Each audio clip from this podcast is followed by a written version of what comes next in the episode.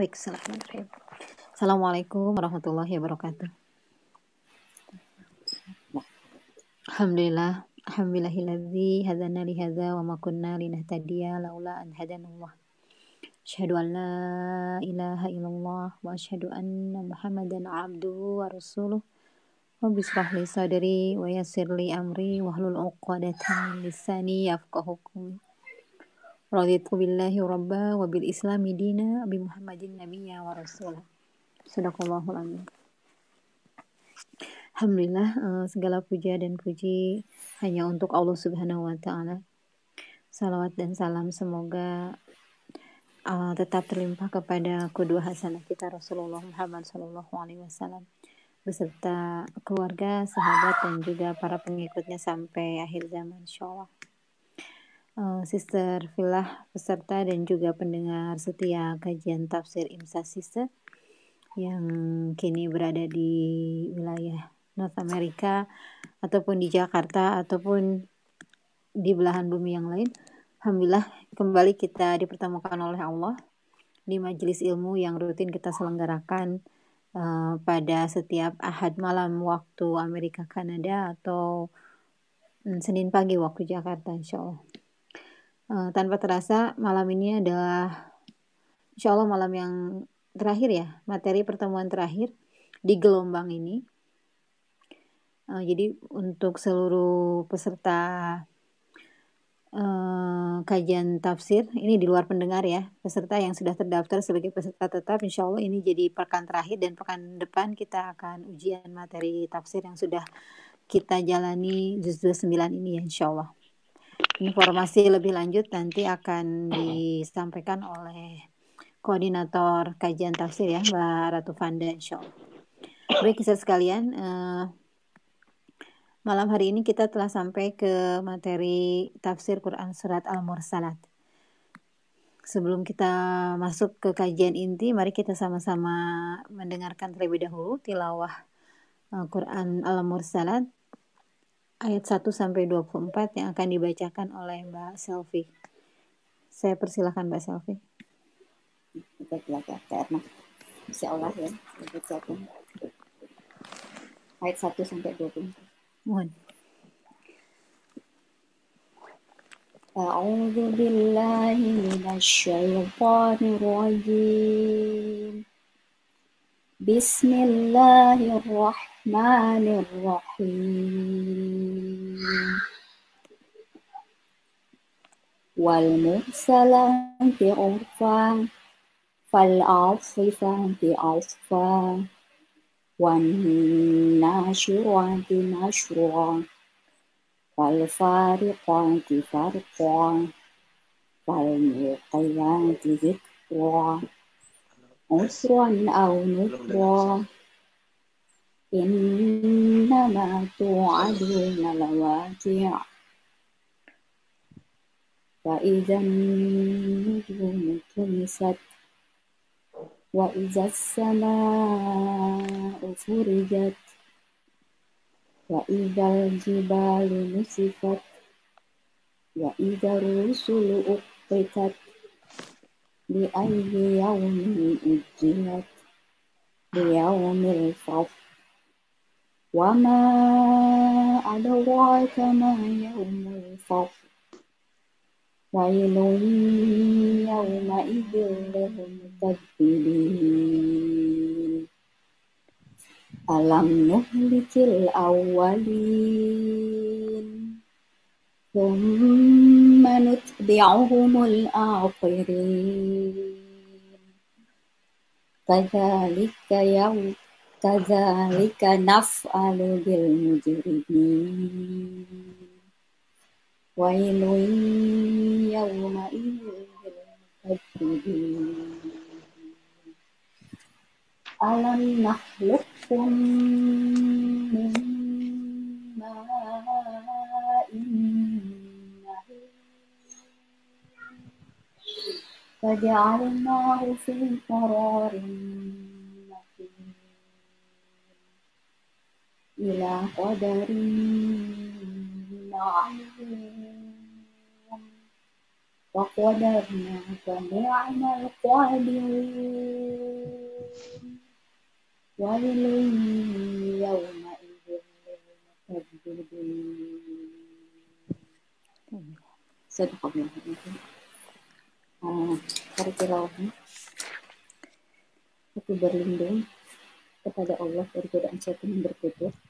dengan nama Allah yang Maha Pengasih dan Maha Penyayang. Demi malaikat-malaikat yang diutus untuk membawa kebaikan, dan malaikat-malaikat yang terbang dengan kencangnya, dan malaikat-malaikat yang menyebarkan rahmat Allah dengan seluas-luasnya, dan malaikat-malaikat yang membedakan antara yang baik dan yang buruk dengan sejelas-jelasnya, dan malaikat-malaikat yang menyampaikan wahyu untuk menolak alasan-alasan atau memberi peringatan Sungguh apa yang dijanjikan kepadanya pasti terjadi. Maka apabila bintang-bintang dihapuskan, dan apabila langit terbelah, dan apabila gunung-gunung dihancurkan menjadi debu, dan apabila rasul-rasul telah ditetapkan waktunya, niscaya dikatakan kepada mereka, sampai hari apakah ditangguhkan azab orang-orang kafir itu?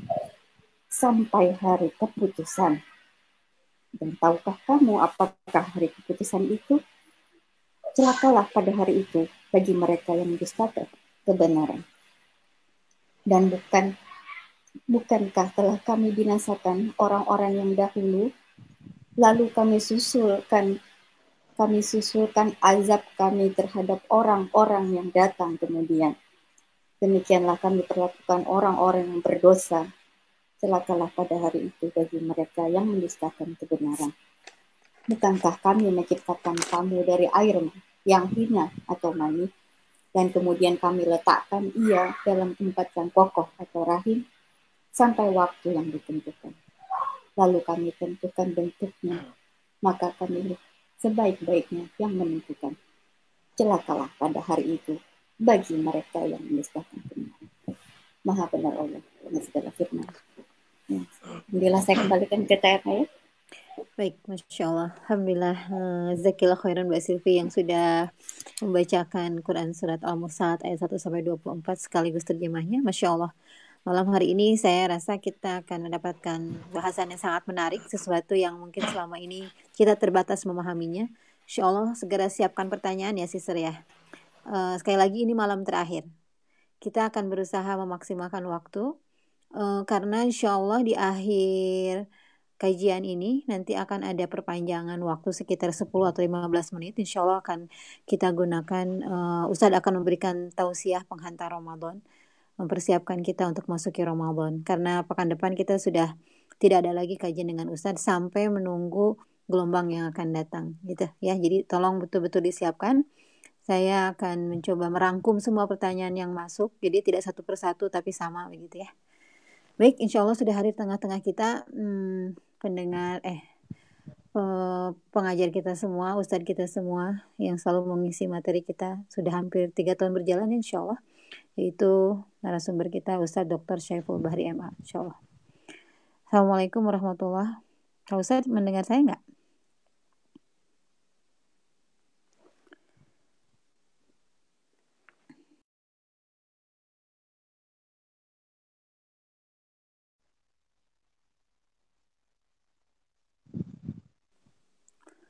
Ya, coba saya sekali lagi saya sapa Pak Ustadz ya. Assalamualaikum Pak Ustadz.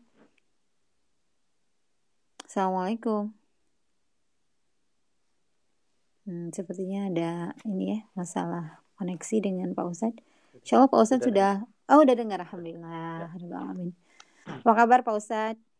Alhamdulillah. Alhamdulillah. Amin. Ya Pak Ustadz, uh, saya persilahkan Pak Ustadz untuk menyampaikan materi Quran Surat Al-Mursalat. Silakan Pak Ustadz. Bismillahirrahmanirrahim. Assalamualaikum warahmatullahi wabarakatuh. Alhamdulillahi rabbil alamin. Wabihi nasta'inu ala umuri dunya wad din. Allahumma salli wa sallim ala sayyidil anbiya'i wal mursalin. Habibina wa syafi'ina Muhammadin sadiqil wa'dil amin. Wa ala alihi wa ashabihi wa jami'il muslimin amma ba'd. Ma'asyiral muslimin wal muslimat mobil khusus para peserta kajian tafsir online yang diadakan oleh Imsa Sister baik yang berada di Amerika dan Kanada ataupun yang ada di Indonesia. Allah Subhanahu wa taala memberi nikmat besar kepada kita ketika kita bersyukur atas nikmat-nikmatnya. Terlebih adalah nikmat Al-Qur'an.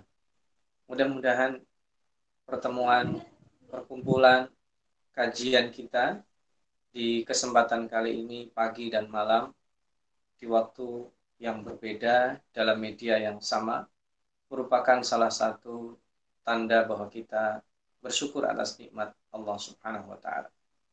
Karena di surat Al-Mursalat yang hari ini kita tadaburi surat yang di dalamnya terdapat kecaman keras orang-orang yang mendustakan di dalamnya terdapat uh, murka Allah Subhanahu wa taala bagi orang-orang yang tidak mensyukuri nikmat.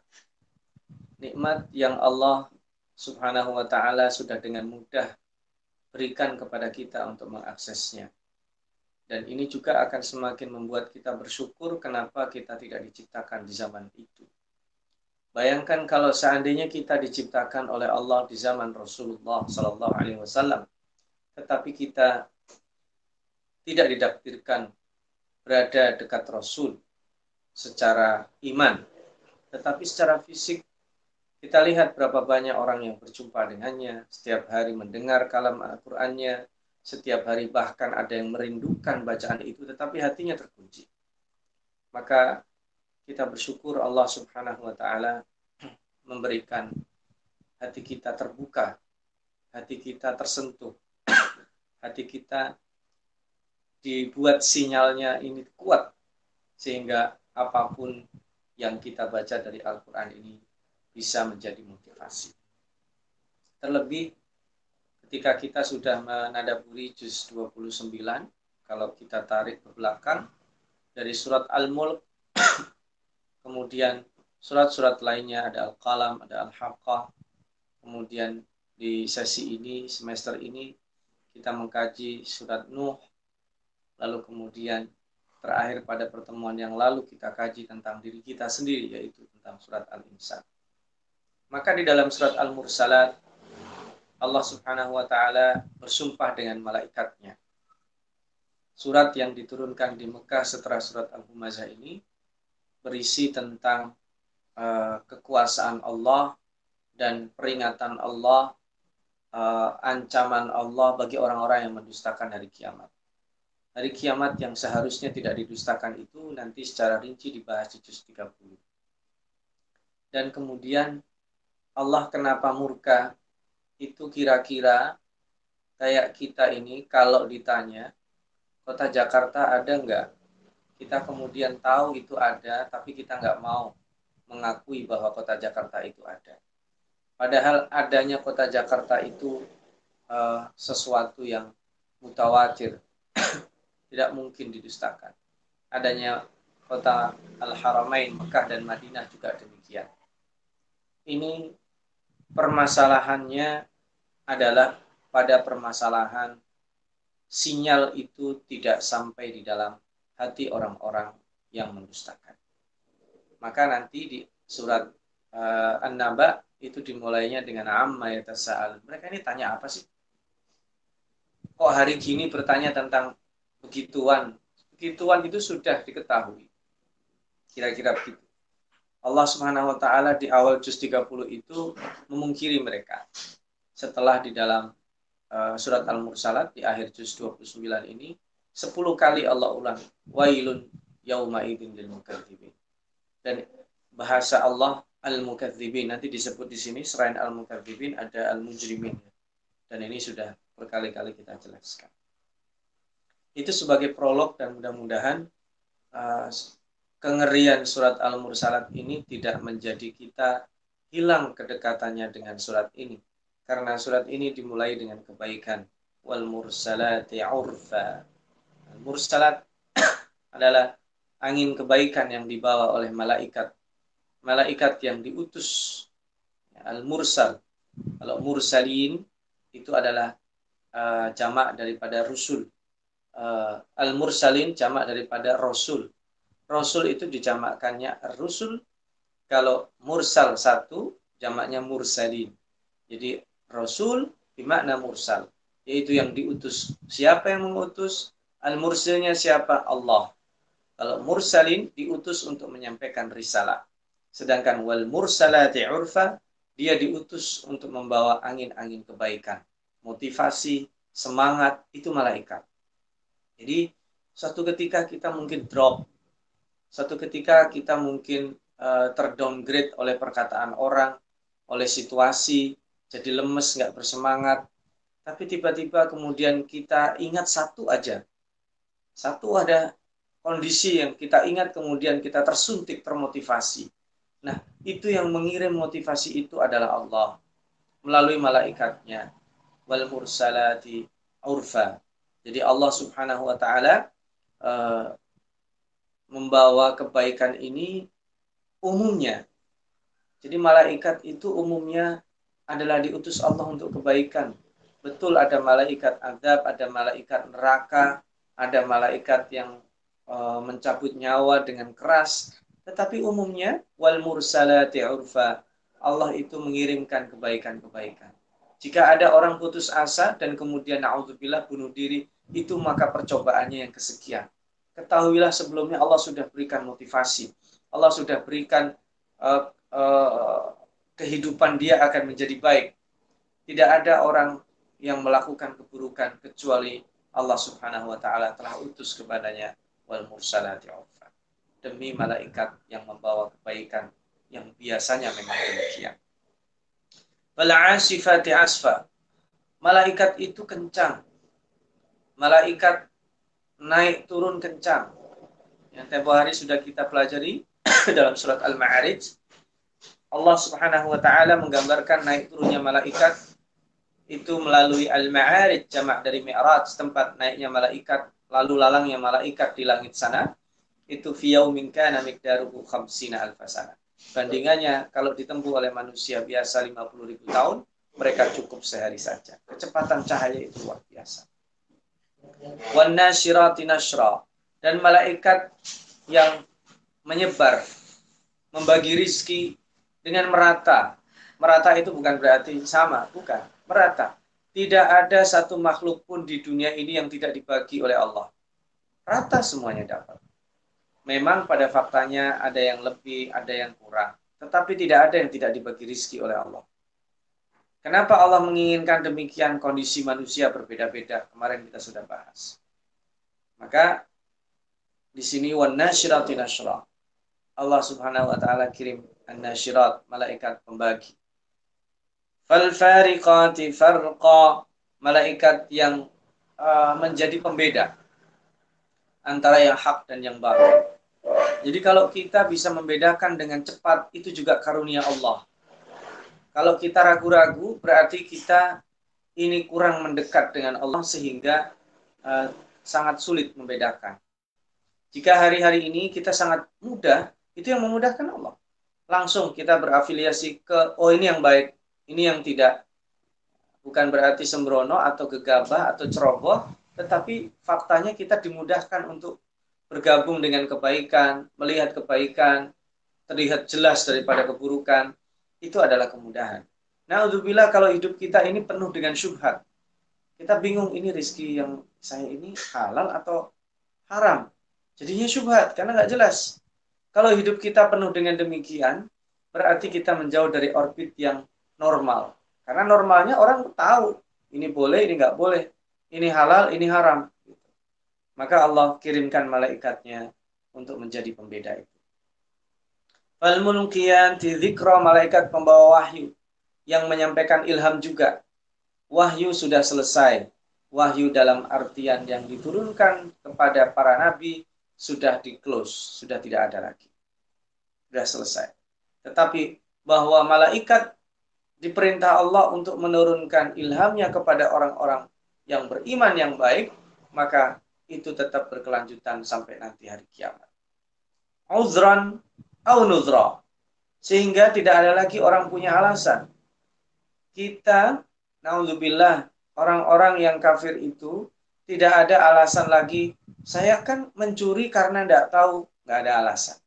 Saya kan tidak percaya hari kiamat karena tidak diberitahu, tidak ada alasan. Karena semuanya sudah bisa diakses hari ini.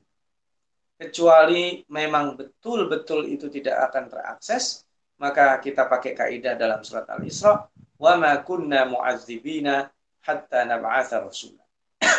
Dan kami tidak memberikan azab, menurunkan siksa sampai kami mengutus kepada mereka rasulah. Rasul dalam artian fisik orang ataupun message yang disampaikan melalui sekarang teknologi. Hanya hudan itu petunjuk disering disebut dalam Al-Quran bukan hanya lil muttaqin atau lil mukminin tapi hudan linnas. Al-Quran ini sampai potensinya bisa menunjuki seluruh manusia. Karena Allah sudah bukan memperkirakan lagi. Kalau memperkirakan manusia, Allah sudah mengetahuinya bahwa dia menciptakan manusia sudah lengkap dengan uh, kalau kita beli barang itu dengan manualnya, aturannya sudah disebut dan itu akan disebar kepada seluruh manusia. Maka Allah ancam, "Innama tu'aduna lawaqi'." Yang dijanjikan kepada kalian waqi' pasti terjadi. Hari kiamat yang dimaksud. Kapan? Fa'idzan nujumu tumisat وَإِذَا السَّمَاءُ فُرِجَتْ وَإِذَا الْجِبَالُ نُصِفَتْ ketika nujum bintang-bintang itu dihapuskan subhanallah ini bahasanya luar biasa dihapuskan itu kalau ini untuk anak kecil ayat ini kita gambarin, kita gambar bintang, dihapus. Jadi bintangnya tidak ada. Jadi semudah menghapus. Allah menghilangkan bintang itu semudah kita menggambar e, di atas kertas, menunjukkan kepada anak kita dihapus dengan penghapus. Mudah sekali. Maka hilangnya bintang-bintang yang menjadi penghias di malam hari yang sesungguhnya alam itu lebih besar daripada tempat kita yaitu di bumi sangat mudah bagi Allah. Wa idas sama furijat ketika langit itu berlobang-lobang, terbelah-belah. Furijat itu mohon maaf kayak gigi-gigi kita itu di antara gigi itu ada ada lubang ya. Maka ketika langit yang kelihatannya utuh, nggak ada tembelan apa-apa, kemudian ada lubang-lubangnya. Kira-kira begitu. Jadi ini gambarannya dibuat sederhana sekali kita punya kertas, kemudian dirobek-robek, masukin gunting atau apa saja yang bisa merobek-robek yang tadinya rapi. Itu disebut furijat, sehingga ada rongga-rongganya. Wa idal jibalu nusifat. Subhanallah. Nusifat. Dihancurkannya itu bukan hancur kayak kita uh, jatuhin gelas, hancur. Enggak. Nusifat itu nasfa debu. Jadi sesuatu yang gede kemudian dihancurkan seperti debu. Jadi leburkan. Wa idzar rusulu uqitat li ayyi yaumin ujilat dan para rasul yang diberi waktu ditunjukkan kepada Allah di ayyi yaumin ujilat ketika orang-orang yang mendustakan mereka itu dihancurkan itu mereka akan dikasih tahu mereka yang diberi waktu untuk memberikan peringatan yang sudah bersabar. Nah ini Allah Subhanahu Wa Taala juga jadikan sebuah fenomena. Ini artinya mereka nanti dibangkitkan. Ini eh, ayat 11, 12 dan 13 berkenaan dengan hari kebangkitan. Makanya bahasanya liyaumil fasl di hari al-fasl. Al-fasl itu adalah hari ketentuan. Semuanya ditentukan. Ya, kayak anak kita itu kalau dalam bahasa Arab al-fasl itu kelas. Maka kalau kalau, uh, kalau seandainya bentuknya klasikal. Uh, hari ini kajian kita sifatnya tidak klasikal karena tidak memakai ruangan. Tetapi uh, classroom kita itu luar biasa. di Amerika dan Kanada saja itu ada mungkin tiga waktu yang berbeda. Belum kalau yang mengikuti kajian ini tidak hanya di Amerika, tapi di Indonesia di tempat lainnya. Berarti ada ruang-ruang waktu yang berbeda plus ruangan-ruangan yang berbeda. Jadi bagi kita akan semakin terasa ini liyaumil fasl kalau kita mengkaji seperti ini. Ketika ditentukan itu jelas ketentuannya cuma ada dua. Nanti menjadi penduduk neraka atau menjadi penduduk surga. Itu ketentuannya cuma dua saja kalau di sana. Wa ma adraka ma yaumul fasl. Allah bertanya, kamu tahu nggak yaumul fasl itu apa? Biasanya kalau ada kata-kata wa ma adraka, Allah sendiri yang jawab. Jawabannya nomor satu mengerikan. Wailu yawma lil mukadzibin. Sebenarnya ini bukan jawaban dari pertanyaan, tetapi ini uh, jumlah atau susunan kalimat penyela. Celaka orang kalau tidak tahu, bukan tidak tahu, celaka orang yang mendustakan yaumul fasl, gitu kira-kira. Kalau kita misalnya begini, uh, kalian tahu tidak si Fulan, orang yang terkenal di Indonesia? Kemudian sebelum jawab itu orang yang bertanya ke kita mengatakan bodoh banget kalau nggak tahu si Fulan, kira-kira begitu. Tapi ini bukan bodoh banget. Kalau bodoh banget itu kan cuma merendahkan. Ini celaka kalau orang nggak tahu. Nah, atau gini saja, eh, anak-anak kita akan menghadapi setelah menghadapi UN di tingkat eh, SMA, SLTP, sebentar lagi eh, tingkat SD. Itu sudah yaumul fasalnya sudah ini akan ujian tanggal Senin depan, ya, dua hari atau tiga hari. Maka itu yang fasal yang sudah ditentukan. Kamu tahu nggak ujian nasional nanti tanggal berapa? Belum dijawab, dia mengatakan celaka kalau orang nggak tahu. Nah, kira-kira begitu. Orang udah jelas ditentukan sudah lama, kok sampai nggak tahu itu berarti nggak peduli. Kira-kira begitu. Orang udah dikasih tahu, sudah siapa yang Datang setiap Rasul mengingatkan kok sampai kamu tidak percaya. Celakalah. Maka ini ini kecaman pertama. Wailun yauma idzin lil mukadzibin. Alam nuhlikil awwalin? Tidakkah kami menghancurkan orang-orang terdahulu? Thumma nutsbi'uhumul akhirin. Dan kami juga menghancurkan orang yang datang setelahnya. Kaum Nuh adalah kaum pertama yang dihancurkan Allah. Tapi kaum Ad tidak belajar dari itu. Hancur mereka. Kaum Samud tidak belajar, padahal waktunya berdekatan. Kaum Nabi Lut, kaum Sodom tidak belajar. Negeri Madian, nanti ada Ashabul Rasi, kemudian ada dan seterusnya. Ada kaum-kaum yang datang berterusan dihancurkan oleh Allah sehingga hari ini. Kadzalika naf'alu bil mujrimin. Maka demikianlah kami kerjakan, kami perlakukan kami uh, respon tantangan orang-orang mujrim. Ya, sebagai pengulang saja, meskipun berkali-kali saya sebut sebagai pengulang. Al-mujrim itu kejahatan yang bukan hanya dilihat dari pelakunya. Tetapi al-mujrim adalah kejahatan yang dilihat dari siapa yang orang tersebut berbuat jahat. Jadi kalau ada orang memukul itu jahat, memaki-maki orang itu jahat. Kalau yang dipukul dan dimaki-maki adalah orang tua sendiri, maka itulah yang disebut kejahatan yang berlipat. Berzina itu buruk, berzina itu kejahatan. Berzina adalah fahisyah, dosa besar. Tetapi jika yang melakukan perzinaan adalah orang yang sudah sangat tua renta, maka itu disebut mujrim. Jika yang melakukan perzinaan adalah tetangganya, maka itu disebut dengan mujrim. Itu yang dikatakan Rasulullah, dua perilaku zina yang dosanya sulit untuk diampuni oleh Allah, sekalipun bisa, tetapi itu tingkatannya paling berat, yaitu asayyibuz zani, orang tua yang berzina, dan orang yang berzina dengan tetangganya. Maka Allah mengulang lagi, wailu yauma lil mukadzibin. Jadi Allah nggak langsung jawab rupanya. Supaya jawab itu gampang. hari kehancuran, hari kebangkitan, yaumul fasl itu apa? Gampang. Tapi Allah ingin menuntun kita. Tidakkah mereka menyaksikan orang yang dihancurkan, datang lagi dihancurkan lagi. Celaka kalau orang-orang itu tidak tahu nasib orang-orang mujrim. Diulang dua kali. Yang ketiga, ini yang dahsyat. Ini penciptaan yang luar biasa. Ayat 20 dan 21.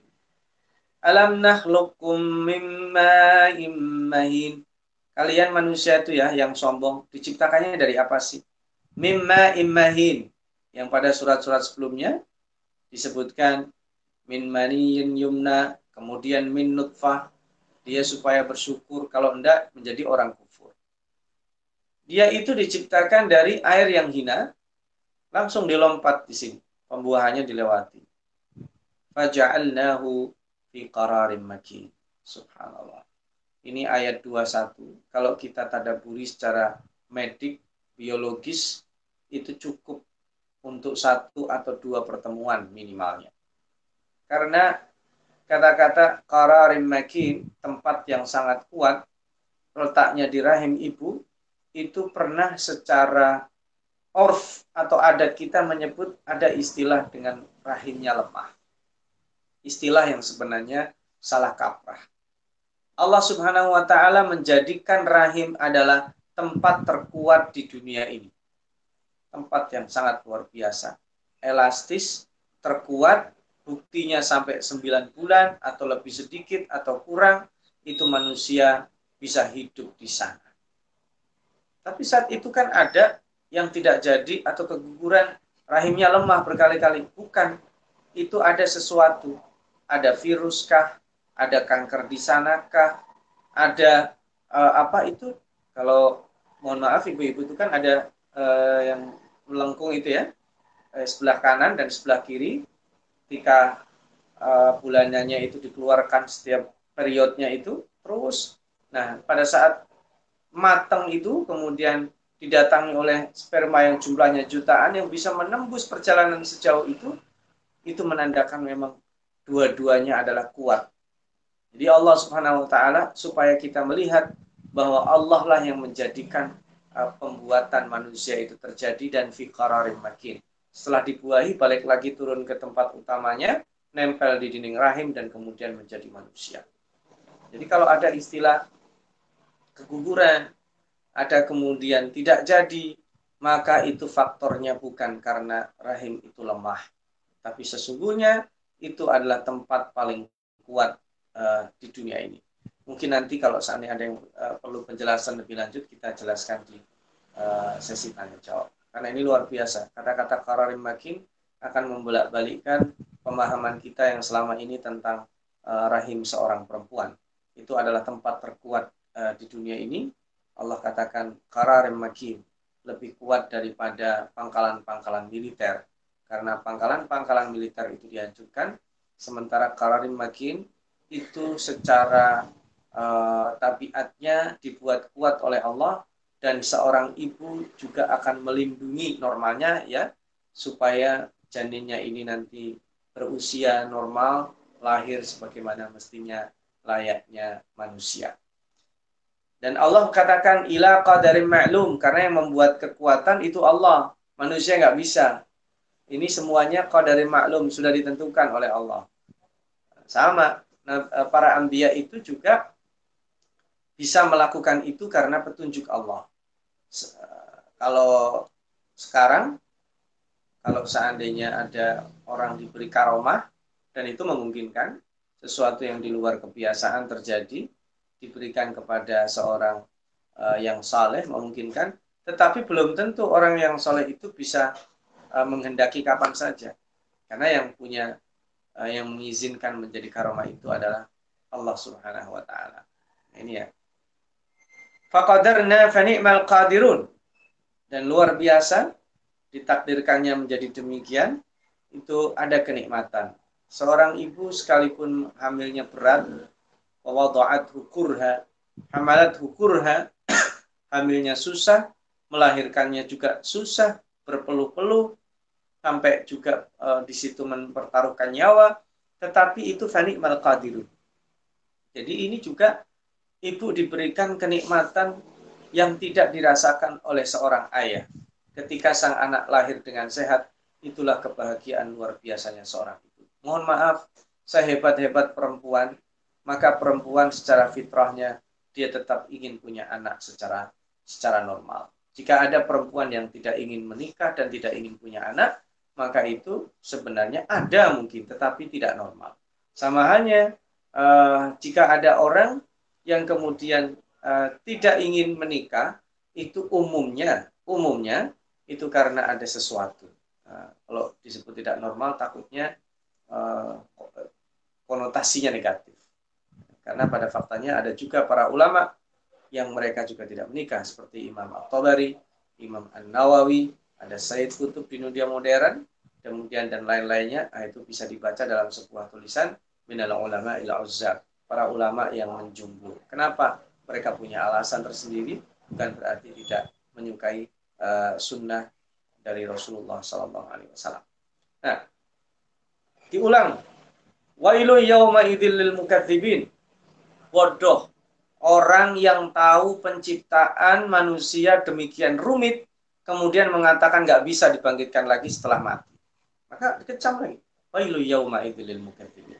Alam naj'alil arda kifata ahya'an wa amwata وجعلنا فيها رواسي شامخات فأسقيناكم ماء فراتا Lalu ini fenomena alam bumi gersang tandus ya dihidupkan oleh Allah Subhanahu wa taala kemudian digersangkan kembali dihidupkan kembali ada musim panas musim dingin ada musim gugur ya kalau yang empat musim ya kemudian ada lagi uh, musim spring jadi uh, luar biasa ada ada autumn ada spring ada gugur ada musim semi ada panas, ada dingin. Ada musim tumbuh-tumbuhannya muncul, ada kalanya gugur. Itu sunnah Allah. Artinya Allah itu punya kekuasaan mengubah. Dan Allah Subhanahu wa taala jadikan gunung-gunung itu sebagai pasak. Kalau mau nyabut gampang. Diberikan air kita, air adalah sumber kehidupan. Maka wailu yauma idzil mukadzibin diulang kembali, intaliqu ila ma kuntum bihi tukadzibun. Sekarang kalian sudah dibangkitkan, pergi pergi yang kalian dulu kalian dustakan. Intaliqu ila dhilli thalasi syu'ab. Ini ngeri ya. Ini di ayat 30 sampai uh, 30, 31, 32, 33 dan 34 itu penggambaran tentang api neraka. Kenapa disebut di thalati syu'ab? Bercabang tiga. Api itu bercabang tiga ini bahasa kiasan. Padahal pada faktanya cabang api lebih dari tiga. Mohon maaf ibu-ibu kalau nyalain kompor, cabangnya banyak. Apalagi kompornya yang canggih. Banyak, warnanya berwarna-warni. Kalau menyalakan api dari kayu bakar, ya atau buat api unggun itu menjilat-jilatnya itu lebih dari salah syu'ab. Lalu kenapa disebut salah syu'ab? Salasi syu'ab itu api dikonotasikan punya tiga tugas. Ini tafsirannya macam-macam ya. Ini saya saya ambil salah satunya saja. Tugas api yang pertama itu ngambil, nyeret orang. Tugas yang kedua adalah menyakiti. Tugas yang ketiga menghancurkan. Tiga itu aja. Jadi ngambil, melahap. Ya kebetulan ini juga ada istilah uh, la dhalilin wa la yughni minal lahab tapi ini artinya lain ya Allah yang ada di sini. Jadi Allah Subhanahu wa taala memberikan tugas kepada api itu untuk mencapik-capik. Kan kalau orang mencapik-capik begini minimalnya dibutuhkan beberapa cabang dari dari tangan kita. Di sana tidak ada tempat berteduh, tempat menghindar karena itu api setinggi istana. Bayangan kita yang namanya istana itu pasti lebih tinggi dari rumah. Orang dilempar ke api, apinya bukan api yang baru kecil begitu. Bukan. Api itu sudah setinggi istana. Ka'annahu jimalatun sufr. Itu seperti halnya unta-unta yang berwarna kuning. Ini perlu perenungan ya. Dan perlu juga berdialog dengan orang Arab. Gambaran ini tentu onta kuning itu jarang. Artinya kan kalau ada disebut dengan yang mahal itu onta merah. Ya. Onta merah itu onta yang paling mahal jenisnya.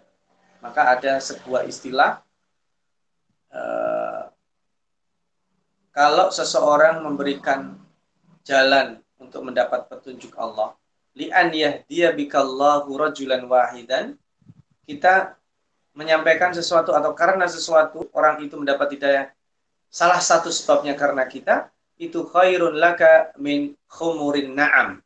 Maka itu lebih bagus daripada kamu punya onta merah. Subhanallah. Onta merah itu onta mahal. Kalau ibarat kita tunggangan paling mahal di dunia saat ini. Jenis-jenis mobil-mobil sport car yang diterbitkan yang dibuat di uh, Eropa misalnya di Italia, Jerman dan sebagainya yang harganya miliaran itu lebih bagus kita mendapatkan petunjuk. Itu kalau onta merah. Kalau onta kuning, onta kuning itu on, konotasinya ada yang mengatakan sakit dan menyakitkan.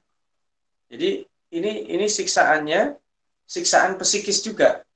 Jadi kalau ada seseorang punya piaraan sudah besar digadang-gadang menjadi harta kekayaan, kemudian ternyata ontanya itu berpenyakit, maka itu sakitnya luar biasa. Karena ibarat kata beginilah, kita dulu di zaman ikan ada ikan arwana mahal, ternyata mati, itu kan ngenes gitu, biayanya mahal. Kemudian apa gitu, nah itu kemudian tidak bisa diandalkan. Ini ada yang menafsirkannya demikian. Ada juga disebut jimalatin super, itu onta-onta kuning berkeliling, nggak enak dipandang mata. Sesuatu yang menyakitkan. Ada juga yang menafsirkannya demikian.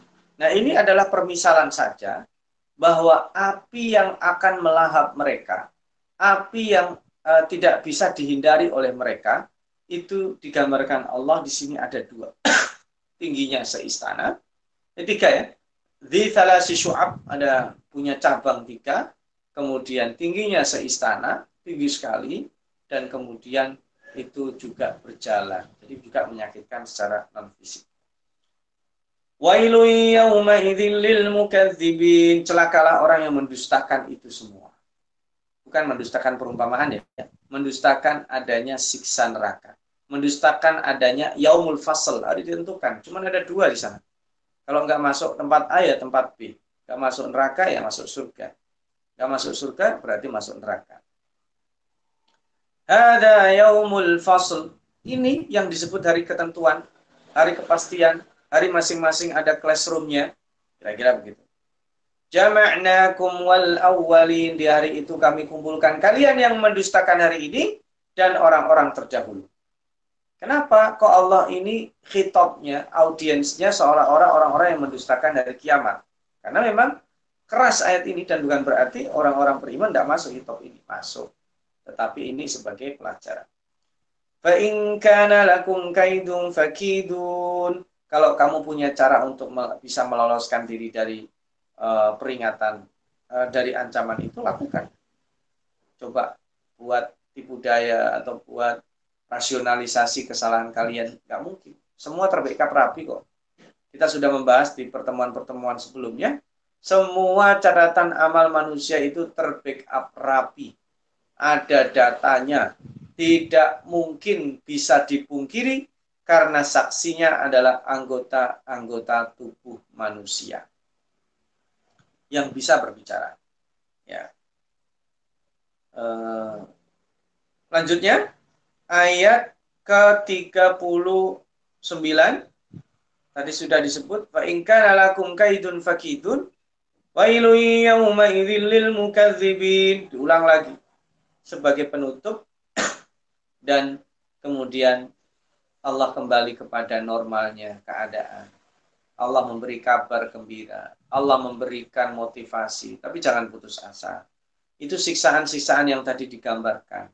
Itu peringatan-peringatan keras. Murka Allah subhanahu wa ta'ala yang disebutkan. Itu untuk orang yang nggak mau dengar. Sementara Kalian wahai orang-orang yang mau mendengar ini. Nah, kira-kira begitu. Jadi kalau misalnya biasanya kan terjadi itu kan kalau sudah terjadi ya seorang guru udah ngingatin tanggal sekian kita ujian. Setelah nilainya ujian muncul ternyata itu banyak yang nilainya tidak bagus pasti marah dia. Kok bisa ya kamu nilainya buruk? Kan udah saya kasih tahu sudah saya ajarkan sudah diberi kesempatan kalau tidak paham tanya masih aja enggak udah dikasih training udah dikasih tryout udah dikasih berbagai macam soal-soal terdahulu, tapi aja masih masih melakukan kesalahan. Itu marah, begitu aja marah. Apalagi Allah sudah jelas-jelas menunjukkan kekuasaan. Tapi kemudian kemarahan ini ada calling down-nya, yaitu ditujukan kepada orang-orang yang mau serius, kepada orang-orang yang mau mendengar, kepada orang-orang yang mau memperhatikan nasihat-nasihat kalau tadi guru, berarti dari gurunya. Kalau ini konteksnya adalah Allah yang sudah menurunkan risalah melalui Rasulnya, berarti melalui uh, message yang dikirim Allah. Innal muttaqina fi dhilalin wa wa mimma yashtahun kulu washrabu hani'an bima kuntum ta'malun mereka ada di dalam hunian yang asri, dilal. Jadi dilal itu berteduh. Berteduh itu ternyata nikmat. Jadi begini, kita ini sinar matahari nikmat. Tapi kemudian kalau langsung kena juga nggak nggak nikmat. Maka perlu ada berteduh. Tempat berteduh ketika ada panas itu itu nikmat. Nah, dilal ini kenapa disebut? Karena sebelumnya mereka melalui masa sulit ketika dibangkitkan. Karena kan sudah digambarkan. Hari kiamat itu, hari kebangkitan disebut Yaumun Asir. Ya. Yaumun Asir itu adalah hari yang sulit. Apalagi bagi orang-orang yang tidak beriman. Yang tidak beriman itu adalah hari yang tidak ada mudah. Nah, orang-orang ini ketika sudah ditentukan, maka hari yang tadi dikatakan sulit itu bisa uh, membuat orang-orang uh, berteduh dengan nyaman di surga. Karena surga itu kan ada taman-tamannya. Jannatin Naim. Itu ada pohon-pohon rindang. Ya. Kemudian yang kedua, wa'uyun. Berteduh di bawah pohon-pohon rindang, taman-taman yang banyak sekali. Kemudian wa'uyun, ada air mata air yang memancar. Uyun ya, yang kemarin kita sudah bahas ya di surat Al-Insan ada mata air yang disebut dengan kafuro ada yang disebut dengan salsabila airnya campurannya macam-macam ada yang murni kemudian ada yang uh, campurannya jahe dan sebagainya wa fawakiha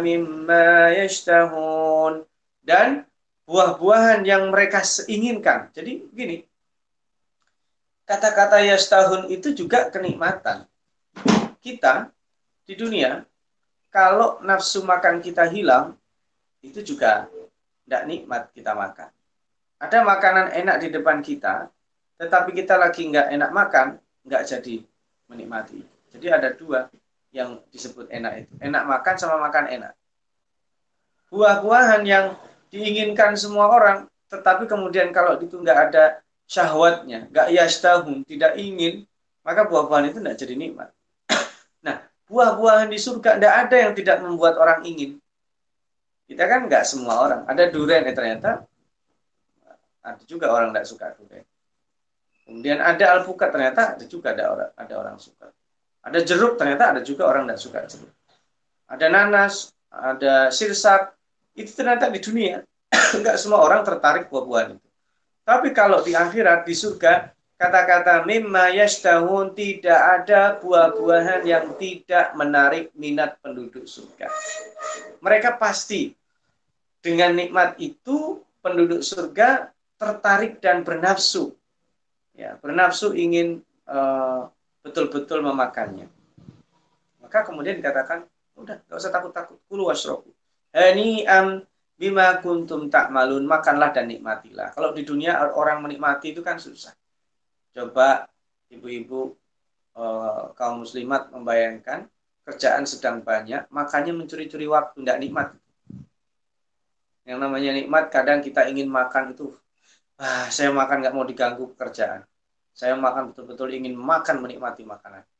Nah, itu kata-kata hanian betul-betul makannya menikmati. Luar biasa.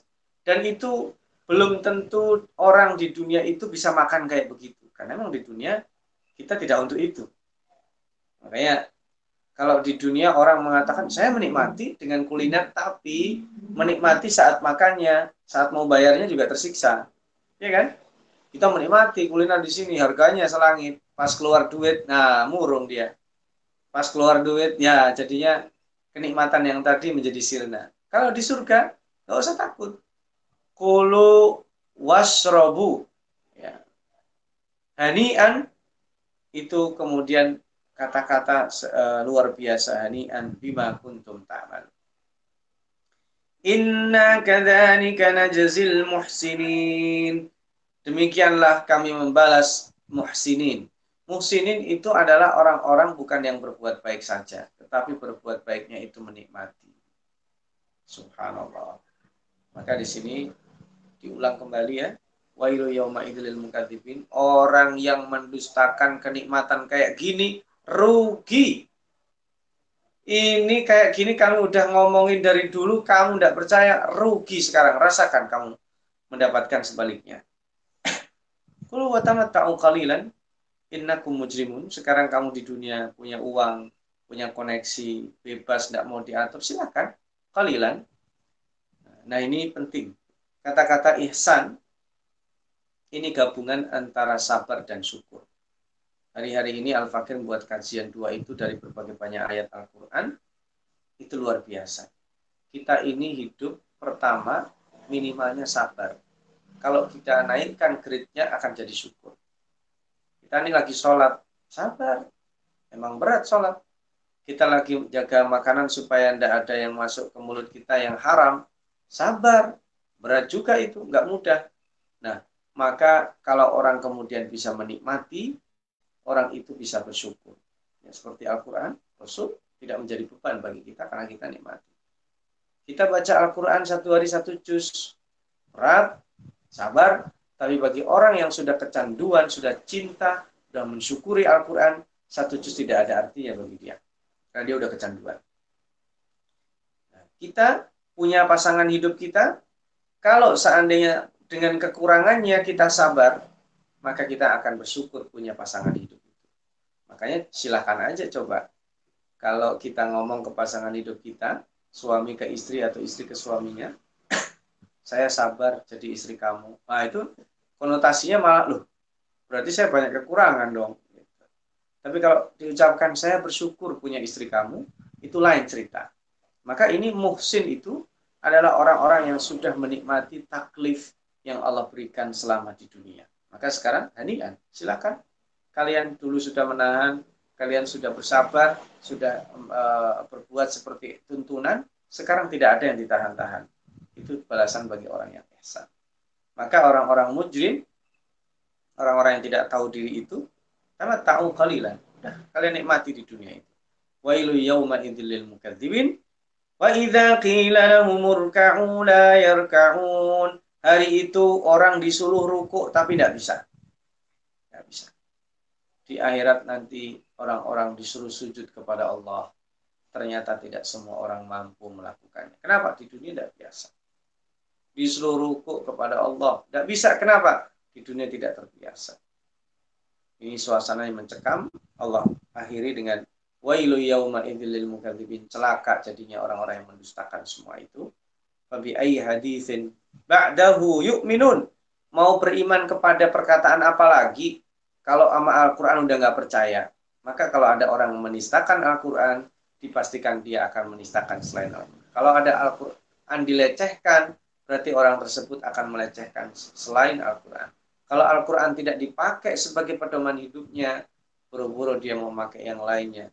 Dia akan menghormati siapa kalau dia tidak takut kepada Allah Subhanahu wa taala. Itu kajian singkat kita tentang surat Al-Mursalat, surat yang dimulai dengan kebaikan-kebaikan yang Allah kirim normalnya memang demikian, diakhiri dengan motivasi-motivasi berupa kebaikan yang dijanjikan bagi orang-orang yang mau beriman, sungguh rugi. Allah katakan sampai 10 kali, sungguh celaka bagi orang-orang yang mendustakan balasan atau di sini disebut dengan yaumul fasl, hari penentuan, yaitu cuma ada dua kelas, kelas di surga dan kelas di neraka. Mudah-mudahan pada saat yaumul fasl itu datang, kita dimasukkan sebagai orang-orang yang dibalas Allah di ayat 41 yaitu orang-orang bertakwa. Ini saja sebagai mukadimah. Silakan nanti bisa kita sambung dalam sesi dialog uh, yang tentunya ini adalah sementara ini sebagai pertemuan terakhir di semester ini. Mudah-mudahan uh, kita bisa memetik banyak pelajaran dan terkhusus surat Al-Mursalat ini uh, ada banyak hal yang belum kita rinci. Nanti silakan uh, bisa kita dialogkan bersama. Jazakumullah khair.